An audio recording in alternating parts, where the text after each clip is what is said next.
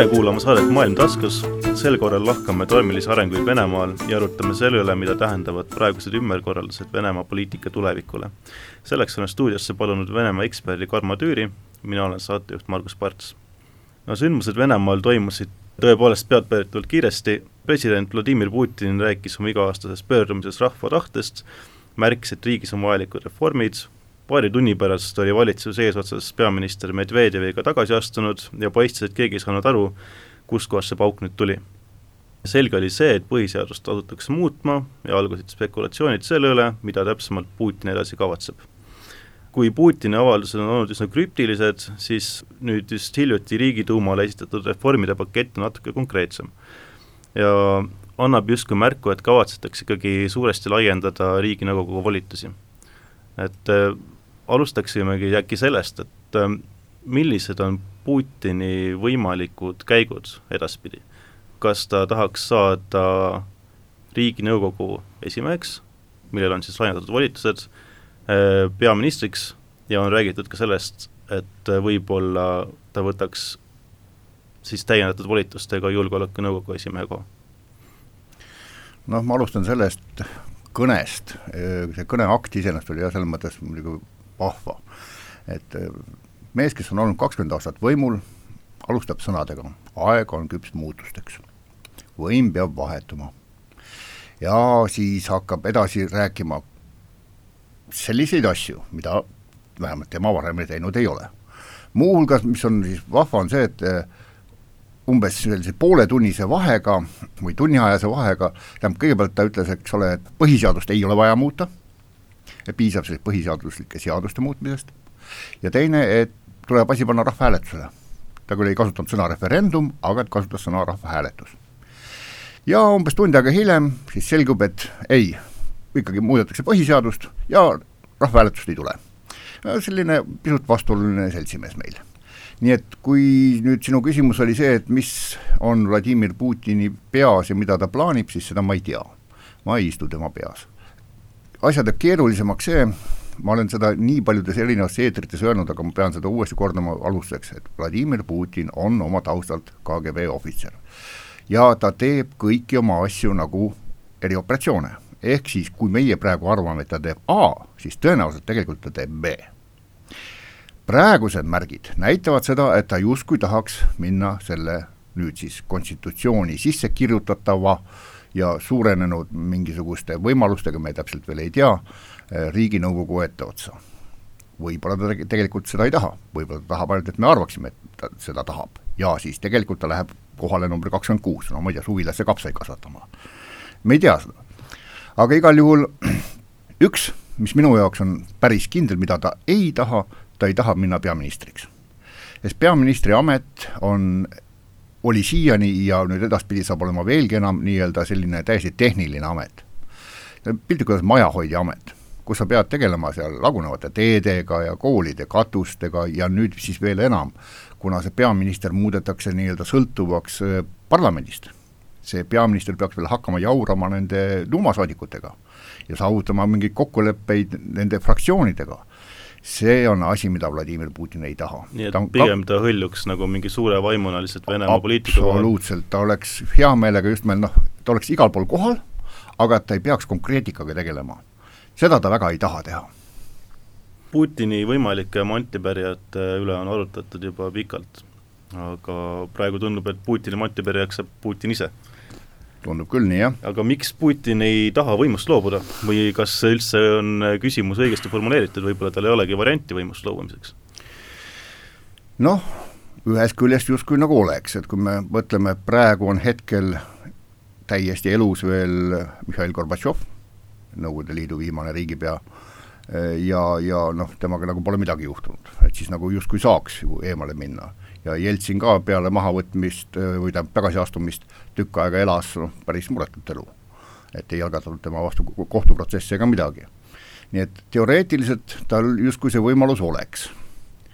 nüüd, mis on erinev tõenäoliselt, no eriti Gorbatšovist, on see, et me minu meelest vist keegi pole kunagi rääkinud Gorbatšovi poolt kokku riisutud miljarditest, mida ta peaks kuhugi varjama ja kuidagi siis nende, nende haldamisega tegelema. Putini poolt äh, noh, ütleme siis kolhoosi korras kokku virutatud varanduste suurust võib ainult aimata, noh, räägitakse mingist neljakümnest miljardist, no täiesti suvalised arvud võib, võib nimetada, me ei tea seda jällegi. aga igal juhul tal on, mille pärast muretseda, nii tema enda kui tema perekonna taskus piltlikult öeldes on suured varandused, mille säilimist peab kuidagimoodi garanteerima. nii et võib-olla on see nüüd kõige lihtsam seletus, miks ta ei saa või ei taha kontrolli enda käest ära anda. ehk siis, et ta kardab, et ta võib kaotada, tema ja tema perekond võivad kaotada väga põhjalikult materiaalselt, kuni siis mingisuguste kriminaalasjadeni välja.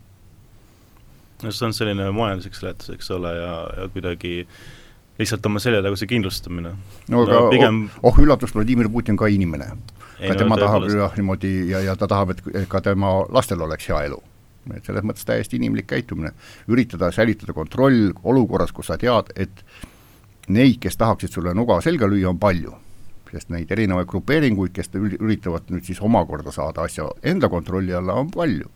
et niipea, kui ta näitaks nõrkuse märki, tõenäoliselt tal lüüakse niimoodi vikatiga jalad alt ära ja, ja hakatakse kaevama, et vot, kust sa said need rahad, mees no kui siit nüüd edasi spekuleerida, siis tundub, et Putin on selline väga tsentraalne isik selles süsteemis, mis on tema ümber siis tekkinud. justkui ta käitub tasakaalustava jõuna, mis siis juhtub, kui Putin ära kaob, siis kõik need erinevad grupid ju hakkaksid üksteist taga ajama, eks ole. et kas see tegelikult Putini kadumine oleks üldse kasulik? kas keegi jätab kuninga vastu vandenõu pidamata selle kartuses, et kui me võtame kuninga maha, et siis läheb asi jamaks? tõenäoliselt ma ei, ma ei usu, et keegi kunagi on ajaloos niimoodi niipidi kalkuleerinud, ikka pigem kõik unistavad sellest, et kukutame kuninga ja hakkame ise kuningaks. Nii et ei, ma ei usu, et Putin kui absoluutne ja asendamatu süsteemi garant oleks kõigi jaoks niivõrd ihaldusväärne. Venemaa on väga suur maa ja seal taga on väga suured ressursid, mille üle kontrolli saavutamine on ahvatlev paljudele, see on täiesti loomulik. jaa, aga see ei välista seda, et ütleme, kui sul on süsteem paigas, mis on juba aastakümneid loksunud omasoodu, rahad tulevad sisse, kõik on niisugune stabiilne, kui see stabiilsus ära kaob, siis ju võib-olla ühel hetkel kolmandikul või poolel sellest kogukonnast ei ole enam sissetulekut. on hoopis, ma ei tea, vanglatrellid. jällegi, igasugune keskmine vandenõulane alati arvab, et temal läheb ju kõik hästi. nii et ma ei usu, et venemaalaste pea oleks kuidagi teistmoodi ehitatud et kõik need erinevad grupeeringud, alates siis äh, jõustruktuuridest, lõpetades erinevate ka täiesti liberaalsete, täiesti läänemeelsete majandusstruktuuridega, kõik nad arvavad, et noh, jah, tuleb jama, aga küllap mina tulen sellest hästi välja. et ma ei, ma kohe väga ei usu, et Putin oleks selline kõigi inimeste peasse raiutud garant, et mida ei tohi mingil juhul eemaldada, noh nii nagu ütleme, ma ei tea, ei tohi eemaldada püsiseinu katuse alt, noh muidu on endal valus. et ei ole nii, nagu kunagi ütles Vladimir Karamursa, et Venemaal on suurte juhtide probleem. et ei osata elada ilma suure juhita. noh, see on üks muuseas väga sügavalt juurdunud arhetüüp venelaste endi kohta, nende endi peas, jah, seda nad armastavad korrata küll, et et korda meil ei ole ja juhti on meil vaja ja hea, kui see juht oleks veel kõva käega. aga noh, ikkagi jällegi noh, igasugune on täiesti inimlik soovida muutusi nüüd mitte Vladimir Putini tõttu niivõrd, kuivõrd Vladimir Putini ajal on välja kujunenud selline stabiilsuse periood. aga asjadel on kombeks liikuda niimoodi pendli taktis, et kord ühele poole, kord teisele poole, ennem seda oli tõepoolest, Venemaal oli väga räme kaos, Vladimir Putini ajal ja osaliselt ka tema tõttu on tekkinud stabiilsus, aga kui stabiilsus kestab väga kaua, siis ikkagi muudatused muutuvad jällegi ihaldusväärseks. Igasuguse stabiilsuse sees on alati neid, kes tahavad seda asja muuta. kas neid on nüüd piisavalt palju ja kas see motivatsioon on piisavalt tugev, pigem tundub, et on, sest et Vladimir Putini seesama kõne viieteistkümnendal jaanuaril, noh mis tõenäoliselt läheb jah, kas nüüd suurte tähtedega, igal juhul läheb ajalukku, ta ju alustas sõnadega, et aeg on küps muutusteks. kust ta selle, need sõnad võttis? sellepärast, et tõepoolest sotsioloogilised uuringud näitavad, et inimesed on noh, ütleme, ootamas mingisuguseid muudatusi. ja peamine on see, et Venemaal on olemas see nii-öelda ametlik sotsioloogia, nähtav sotsioloogia, ja on olemas siis selline nii-öelda varisotsioloogia, mida teeb siis riiklik julgeolekuteenistus. ja mõlemad need näitasid talle kokku seda, et tõepoolest, muutusteks on aeg käes. ja mida teeb tark juht, kui ta näeb, et on vaja midagi muuta, ta asub ise muutma. ehk siis ta paiskas praegu segamini kõikide plaanid, tekitades ühiskonnas ja ekspertkogukonnas ja, ja ka oma vaenlaste ja, ja konkurentide seas tõelise kaose, kõik praegu sebivad nagu noh, laiali paisatud sipelgapesa, kõik tahavad näidata enda lojaalsust ja, ja valmisolekut tegutseda õiges suunas, ainult nad ei tea, mis suunas, parim näide oli see, et eh, kohe peale seda kõnet Ella Pamfilova, kes on Venemaa keskvalimiskomisjoni juht, käsi püsti, teatas, jaa, me oleme valmis referendumiks, teeme kohe ära, no pole mingit küsimust, meil on kõik struktuurid valmis, kohe teeme. Ja siis, kui tuli see teine teade, et referendumit ei ole vaja, siis täpselt samamoodi käsi pikal, ei, ei, referendumit ei ole vaja, me saame selle kuidagi teistmoodi tehtud. ühesõnaga, kõik on innukalt valmis midagi tegema, et sobituda muutunud olukorraga, aga olukord on niivõrd segane, et keegi täpselt ei tea. Ja vot see on jälle sellesama KGB ohvitseri üks armastatud võte, külvata kaost, destabiliseerida, desinformeerida, lüüa segamini vaenlaste või konkurentide plaanid ja vaadata, mis nad tegelikult tahavad. ja siis sellest segadusest hakata välja noppima enda jaoks midagi kasulikku. no kui venelased justkui tahavad muutusi ja eks seda on näha ka ju Ühtse Venemaa langevates reitingutes, siis äh, kas Medvedjevi jätmine erakonna juhiks on justkui nagu tark samm. et miks Medvedjevist üldse lahti ei saadud? jällegi aus vastus on see, et ma ei tea. Praegu hetkel, mida, eks ole, sisuliselt Vladimir Putin tegi, oli see, et ta mitte ei nõrgestanud Medvedjevit, vaid ta tugevdas oma positsiooni. ta võttis selle ära selliselt üsna negatiivsust koguvalt kohalt, peaministri koht on väga vastik koht, sa oled süüdi kõiges, tähendab, Venemaal on tööjaotus, kõige hea eest vastutab president, kõige halva eest vastutab peaminister. ehk siis ta võttis nüüd Medvedjevi sellest ussipesast välja ja istutas päris mugavale tugitoolile, noh umbes nii, nagu Postimehe stuudios siin praegu. ehk siis, et kõik on ümbergi veel tühi, keegi täpselt midagi ei tea, aga kõike saab oma käe järgi kujundada. ta pani ta siis sisuliselt asepresidendiks julgeolekualal, koos täiesti teadma, teadmatute öö, volitustega kõike seda uut süsteemi hakatakse alles praegu üles ehitama. milline saab olema Medvedjevi roll, pigem ma näen praegu selles liigutuses seda, et talle anti kätte uus noh, nii carte blanche, et mees, tegutse, näita ennast, tõesta ennast julgeolekuvaldkonnas, see, mis on Vladimir Putini enda kõige lemmikum valdkond. et tegutse siin, ehita asjad uuesti üles ja mine tea, võib-olla sa kasvad piisavalt suureks, et me kasutame sind näiteks presidendi rollis uuesti nii et Medvedjev sai preemia hea teenimise eest? jah, piltlikult küll mm. -hmm. kui nüüd äh, minna natuke tehnilisemaks, siis äh, no praegu ei ole teada väga hästi, aga ütleme, et millised volitused võiksid tulla sellele Riiginõukogu juhile, selle põhjal, mida on praegu teada ehm,? Praegu me ei tea mitte midagi.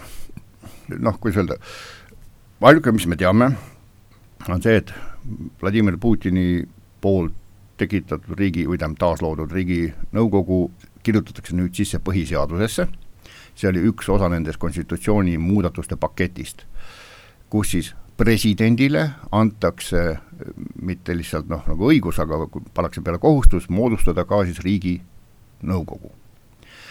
aga selle riiginõukogu tööd ülesehitust ja nii edasi hakkab määratlema omaette föderaalseadus seda seadust veel ei ole. nii et me ei tea täpselt, me ei tea isegi seda, mis on koosseis. noh, näiteks minu meelest oleks loogiline praegust asjade käiku vaadates, oleks loogiline eeldada, et sinna kirjutatakse sisse need nii-öelda vaikimisi liikmed. et ütleme, selle riigi nõukogu liikmeteks peavad saama kõik endised presidendid. et see nagu välistaks olukorra, kus Putin saaks sellest välja jääda. ehk siis see on ainukene praegu, mis ma näen, selline seaduslik, põhiseaduslik äh, võimalus kinnistada Vladimir Putinile mingi roll, ilma et teda saaks sellest ilma jätta.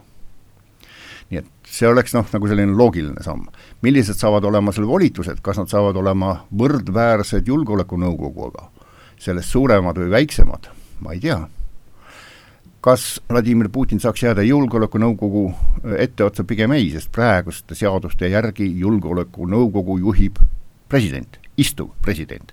kui Vladimir Putin enam ei istu, tähendab, ei presidentoolil ega ka vanglas, siis tema ei saa enam olla selle julgeolekunõukogu juht mis Ab tähendab ka seda, et Medvedev on päris mugav tegelane, keda paigutada sinna absoluutselt, absoluutselt. see on selline väga keeruline, vot mida Vene eh, eriteenistujad kasutavad terminiga nagahodovka, mitmekäiguline, läbitöötatud mingisugune mm, noh, ütleme, tegutsemismudel. Nagahodovkade, tähendab, on olemas duhhodovkad ehk siis kahekäigulised lihtsad skeemid, et mina teen midagi selleks, et panna sind tegema midagi aga siis see Nagahodovka ehk siis mitmekäiguline skeem näeb ette vähemalt viite-kuute astet. aga nende häda on alati see, et see on kirjutatud, sinna sisse on kirjutatud kaos. mitte keegi, mitte ükski James Bond ei suuda kontrollida kolmandat käiku. sest tegele-, vahele tuleb tegelik elu oma pisikeste korrelatsioonidega, noh, ma ei tea, autoõnnetus või, või ootamatu haigus või no mis iganes, eks ole. ehk siis see mitmekäiguliste skeemide nõrkus on see, et nad ei ole kunagi määratud olema sajaprotsendiliselt edukad ja miks Vladimir Putin sellise keerulise ahela nüüd käima tõmbas, ausõna ma ei tea, ta oleks võinud praegu veel tiksuda rahulikult, noh, ütleme, kaks tuhat kakskümmend neli saab tal, eks ole, see ametiaeg otsa. noh, ta oleks võinud rahulikult tiksuda ja ette valmistada muudatusi kuni aastani kaks tuhat kakskümmend kolm näiteks. või pool aastat enne äraminekut, oleks öelnud, et vaat nüüd on asjad nii, seltsimehed. neelake alla ja kõik oleks vaikimise alla neelanud selle ka miks ta selle tegi ära nüüd, niivõrd ravistamisi, niivõrd äh, kiirustades, ausõna, mina ei tea ja absoluutne enamik Vene enda eksperte on ka täiesti segaduses. päris paljud ajavad täiesti jahu suust välja, muidugi Vene ekspertide puhul on see eripära, et äh, jällegi, eriteenistuslik taust. igale eksperdile lekitatakse ette mingisuguseid signaale selleks, et iga ekspert räägiks erinevat juttu, mille ta on saanud hästi kõrgelt, peaaegu et tema enda käest.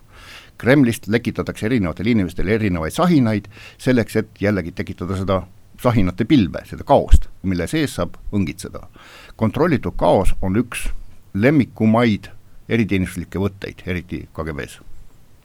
jah, tõepoolest see vee segamine on toimunud meistriklassiliselt, aga kui tulla nende mitmekäiguliste kuidas see väljend oli?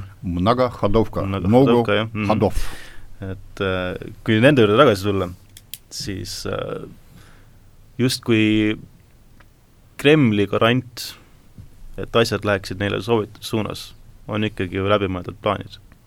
nüüd, kui Putin viskab sellise kala, mille tulemust võib-olla mitte keegi ei tea täpselt, siis kas see ei sea mitte ohtu Kremli enda huvisid? noh, jah, tähendab, juhul, kui selle taga tegelikult ei ole juba ammu ja hästi välja läbi plaanitud öö, skeeme, mis tõenäoliselt pigem on, kui ei ole, jällegi Venemaa on piisavalt suur riik, seal on piisavalt palju ressursse, et tegeleda pikaajalise, nii strateegilise kui taktikalise planeerimisega. Ja mitte kunagi mitte ükski kindralstaap, mitte ükski, ütleme sama eriteenistus ei tegele ainult ühe plaaniga.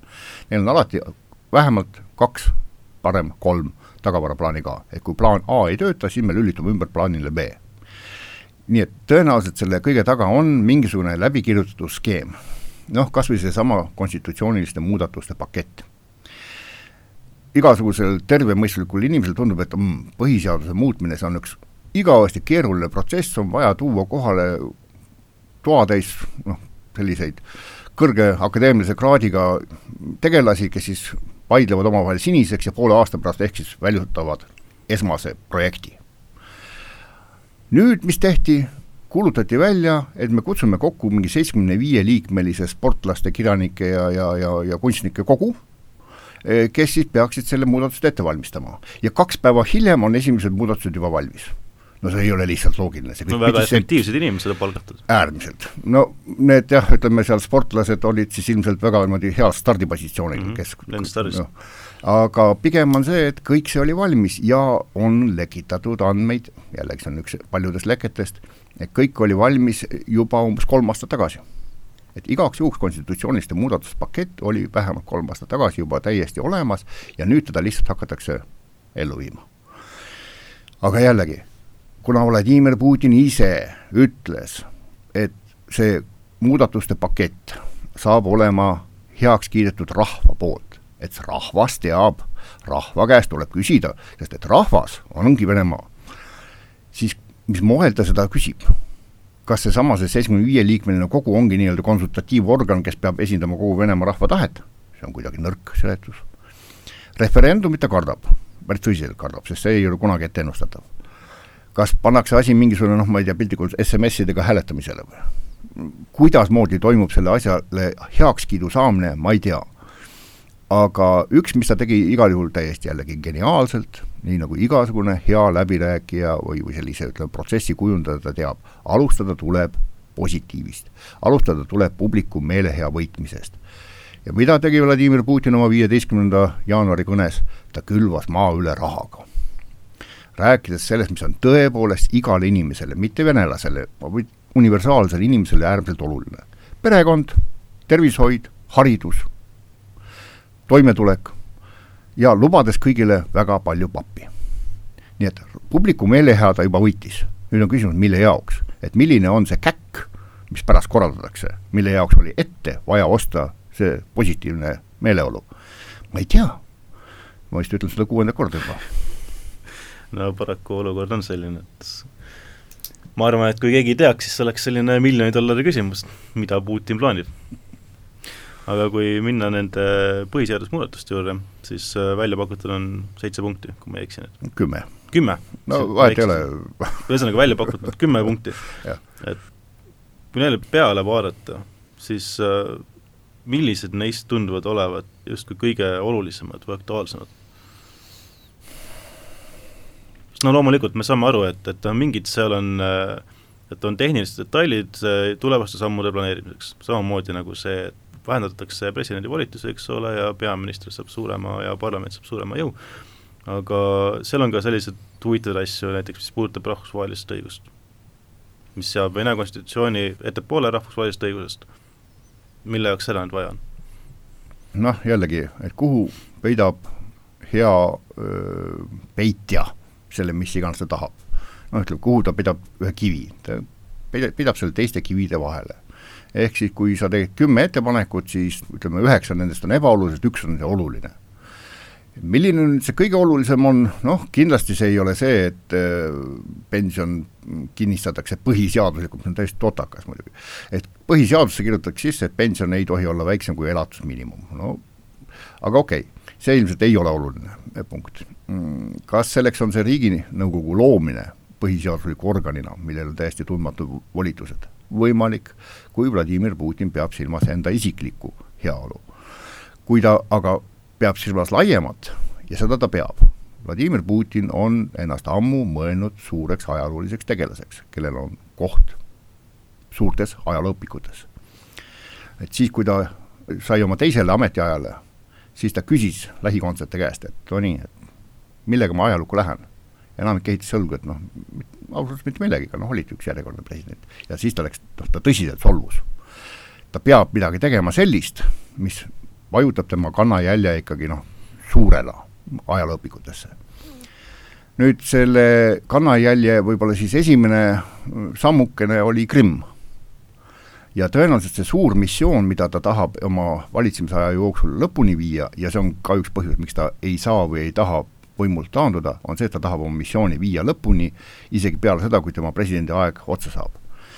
selliseks suureks missiooniks võib olla noh, kahetine skeem, ühest küljest äh, nüüd äh, ühendada lõhestatud vene rahvas, mida ta on korduvalt öelnud, et vene rahvas on tegelikult kolme riigi vahel praegu Valgevene, Ukraina ja Venemaa jagatud, et võib-olla nende ühendamine mingil moel, ja pluss, mis on sellesamas medali teine külg, nii-öelda vaenlasele, põhivaenlasele USA-le eh, koha kättenäitamine, et kuna tema peas eksisteeriva skeemi kohaselt USA lammutas Nõukogude Liidu, siis nemad, tähendab Venemaa, vastukaaluks lammutab NATO. näidates, et NATO pole vettpidav organisatsioon ja et NATO noh, ei ole kredibiilne, see artikkel viis ei toimi. nii et suhteliselt suure tõenäosusega tegelikult vaat just nimelt see, mis sa mainisid, see rahvusvahelise õiguse taandumine Venemaa riiklike slaš rahvuslike huvide eest on see võtmeelement. ehk siis ta suhteliselt selge tekstiga deklareeris, et juhul, kui Venemaa huvid lähevad vastuollu rahvusvahelise õigusega, siis närige muru, seltsimehed. Venemaa huvid on esmased, ülimuslikud. kui Venemaa huvides oli ära võtta Krimm, siis rahvusline õigus puhaku jalga. kui Venemaa huvides on ära kaaperdada Valgevene, siis rahvusvaheline õigus mingu teise tuppa. ja nii edasi. et ühesõnaga, ta deklareeris täiesti avalikult, et ta ei plaani enam edaspidi ennast lasta ohjeldada mingisuguse segase ja mittepädeva rahvusvahelise õiguse poolt nii et kui Venemaa väed läheksid homne päev Valgevenesse sisse, siis oleks see Venemaa territoorium, millel ei ole rahvusvahelise õigusega mitte mingit pistmist. sest nii oli vaja mm. -hmm. Jah, see on üks täiesti võimalik skeem, noh, siin on nüüd, algab see tehniiks, et kuidasmoodi seda maha müüa, et miks oli vaja Valgevenesse sisse minna. ja kas Valgevene kaaperdamine tooks esile samasuguse patriootliku puhangu nagu Krimmi äravõtmine no pisut vaieldav, sest et Krimm võeti ära sellises olukorras, kus näidati, et näete, Ukrainas tõstab pead fašism ja Krimm on vaja päästa.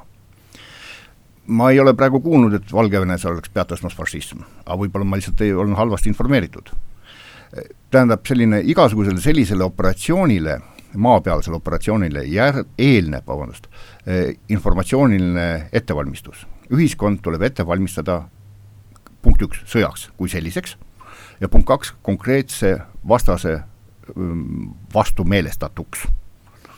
Valgevene vastu selline informatsiooniline et, ettevalmistus tuli või kaugkahuri tuli on toimunud juba üks vähemalt viimane aasta.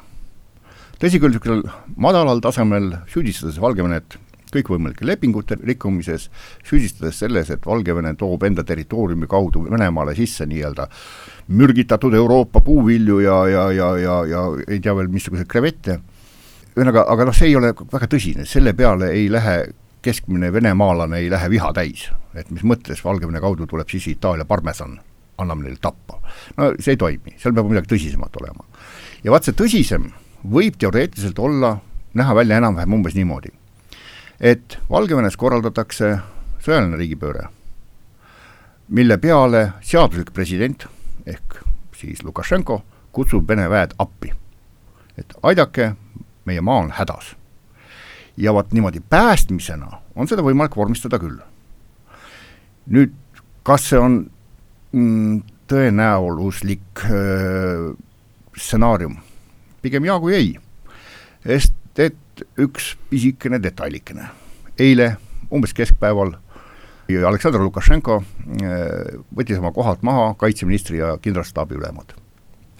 üsna õpiku näide, kui sa tahad vältida enda vastu, kui diktaator tahab vältida enda vastu äh, suunatud vandenõud, ta võtab maha kaitseministri, tavaliselt ka siseministri, peastaabi ülema ja pealinna garnisoni ülema pealinna garnisoni ülema mahavõtmist ma pole veel kuulnud, võib-olla ma olen jälle vähe halvasti informeeritud. nii et see on täiesti võimalik stsenaarium, et korraldada nüüd Valgevene päästmisest samasugune patriootiline tuhin, nagu saadi Krimmi pealt üles, ja kasutada nüüd see positiivne tuhin ära selleks, et korraldada ära ka erakorralised valimised, saavutada tuumas konstitutsiooniline ülekaal ja siis noh, kirjutada juba valmis täiesti uus põhiseadus. see kogu selle jura häda, mis ma praegu just veerand tundi järjest suust välja ajasin, on see, et on ilgelt keeruline. milleks peaks sellist keerulist skeemi ehitama? ta saaks palju lihtsamalt. Kui Vladimir Putin praegu ütleks, praegusele Duumale, kus tal küll ei ole konstitutsioonilist elamust Edina Rossija näol, vaid on kakskümmend häält vähem, kui ta ütleks, et vaja on teha seda, kas see Duuma hakkaks vastu või mina ei julge küll arvata, et hakkaks vastu. ehk siis ma ei saa päris hästi aru, miks on kogu seda putru vaja nii kuumaks ajada ja sama kuumalt ka kohe helpima hakata. no ilmselt samamoodi jälgede peitmine, kui Võimalik. sul on äh, parem põhjendus, parem alibi, siis võib-olla on parem, vähem kobisemist. no vaat siin võib-olla ja, ja noh, see on nüüd ainukene skeem, kus ma tunnen, et, et ma tahaksin noogutada iseendale, et vaat kui tark ma olen. Äh, et sedasama vandenõud või sõjalist riigipööret Valgevenes planeeriti ja see asi kukkus läbi. Ehk siis tekkis oht, et see paljastatakse, näidatakse näpuga Vladimir Putini peale, et vaata, mida sa teha tahtsid, aga me saime jaole. ja nüüd siis selleks, et seda vältida, seda näit-, näpuga näitamist enda peale, ta paiskas omaenda riigi kaosesse see tunduks usutav. kohutavalt jura normaalse inimese terve mõistuse seisukohalt, aga eriteenistuslikult infooperatsioonina täiesti veenev.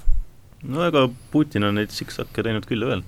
Aga noh, eks muidugi küsimus on see, et kas selline Valgevene päästmine, no mida see tegelikult praegu venelastele nagu tähendaks, et noh, kas see, kas see oleks ikkagi tõesti noh, me rääkisime enne, et eh, Krimm tõi kaasa suure patriootilisuse puhangu, no loomulikult, aga Krimmil on nagu veits teine staatus ka, eks ole. absoluutselt. Krimm on jah, osa ka Venemaa sellisest sõjakuulsusest.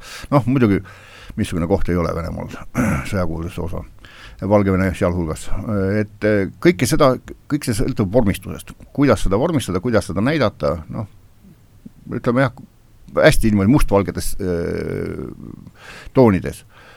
et juhul, kui õnnestub äh, maha müüa stsenaariumina see, et Valgevenes tahtsid võimule tulla Valgevene natsionalistid, noh, keda on seal täiesti olemas. ja kellel on ka oma nii-öelda noh, relvastatud grupeeringud olemas. Et nemad tahtsid tulla võimule ja Lukašenko kutsus meid appi, me läheme päästame, noh, see enam-vähem lendaks küll me võime ju spekuleerida, eks ole, et see plaan iseenesest võib olla punkt A tõsi, B võib läbi minna mm -hmm. ja siis C on see küsimus, et äh, kuidas see Venemaa üldsus reageerib sellele. iseenesest tegelikult mul on vähemalt tunne, et, et on noh, täiesti võimalik, et tegelikult seda ei neelata alla nii laialdaselt, kui võib-olla oodatakse. just, just, et noh, see on pisut liiga paljude muutujatega skeem, et Krimmi kaaperdamine oli suhteliselt lihtne skeem et seal olid juba väed sees ja, ja, ja kuidas öelda, Ukraina noh, sisuliselt ei valitsenud Krimmi üle, see oli ikka üsna ujuv poolsaar, rohkem saare moodi poolsaar. ja, ja ühesõnaga, et selle koju toomine oli jah, nii-öelda ka kohalike elanike seisukohalt oli see pigem tervitatav samm kui mitte. kas nüüd keskmine valgevenelane tahaks Venemaa hulka saada päästetuks mm,? ei ole nii kindel. ehk siis tausta sellel ei ole, ühekordse operatsioonina võib selle läbi viia, aga see pikas perspektiivis võib endaga kaasa tuua ilge jama. et noh, ma ei, ma ei tea, kas see, mis ma praegu räägin, on üldse mingi tõeväärtusega, ma ei tea. no seda me saame kontrollida tulevikus. just see on tegelikult selles mõttes on huvitav, et noh, mida mõtleks keskmine venemaalane sellest, et kas see on niivõrd suur õnn, mis paneb nende südame põksuma ja, ja ja tekitab nüüd seoses üheksanda maiga ja, ja, ja siis meil kõik on uus, uus on peaminister ja konstitutsioon on uus ja nüüd valime uue parlamendi ka ja vaat siis me hakkame hästi elama. see tundub jube kahtlane no tegelikult ka, et no selles mõttes, no ma saan no, aru, et see kõlab täpselt sama todakalt, miks oli vaja maha võtta valitsust. Et no kas ta segas nagu Putini hiilgavatele plaanidele kuidagi, et vaat Putin väga tahtis Venemaa rahvast aidata, aga vaata valitsus valitsus oli ostnud, jah ja no sama jaburalt kõlab, noh. kõlab, kõlab jah.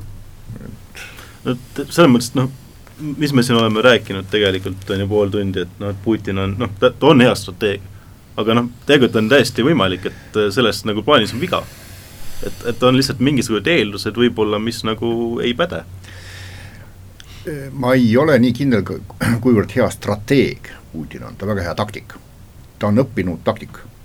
eriteenistujad ei olnud strateegid tähendab, need, kes töötasid põllu peal, nad ei, ei pidanud välja mõtlema pikki skeeme, neile ka anti ette konkreetne ülesanne, nad pidid enda jaoks selle taktikaliselt ära lahendama mm., et kuidas noh, no piltlikult mul on vaja värvata ära mingi idasakslane, kuidas viia see idasakslane piisavalt raskesse olukorda, kuidas tekitada talle probleem, selleks et mina saaksin talle ulatada oma abikäe. Ja siis idasakslane ongi minu jaoks värvatud agent.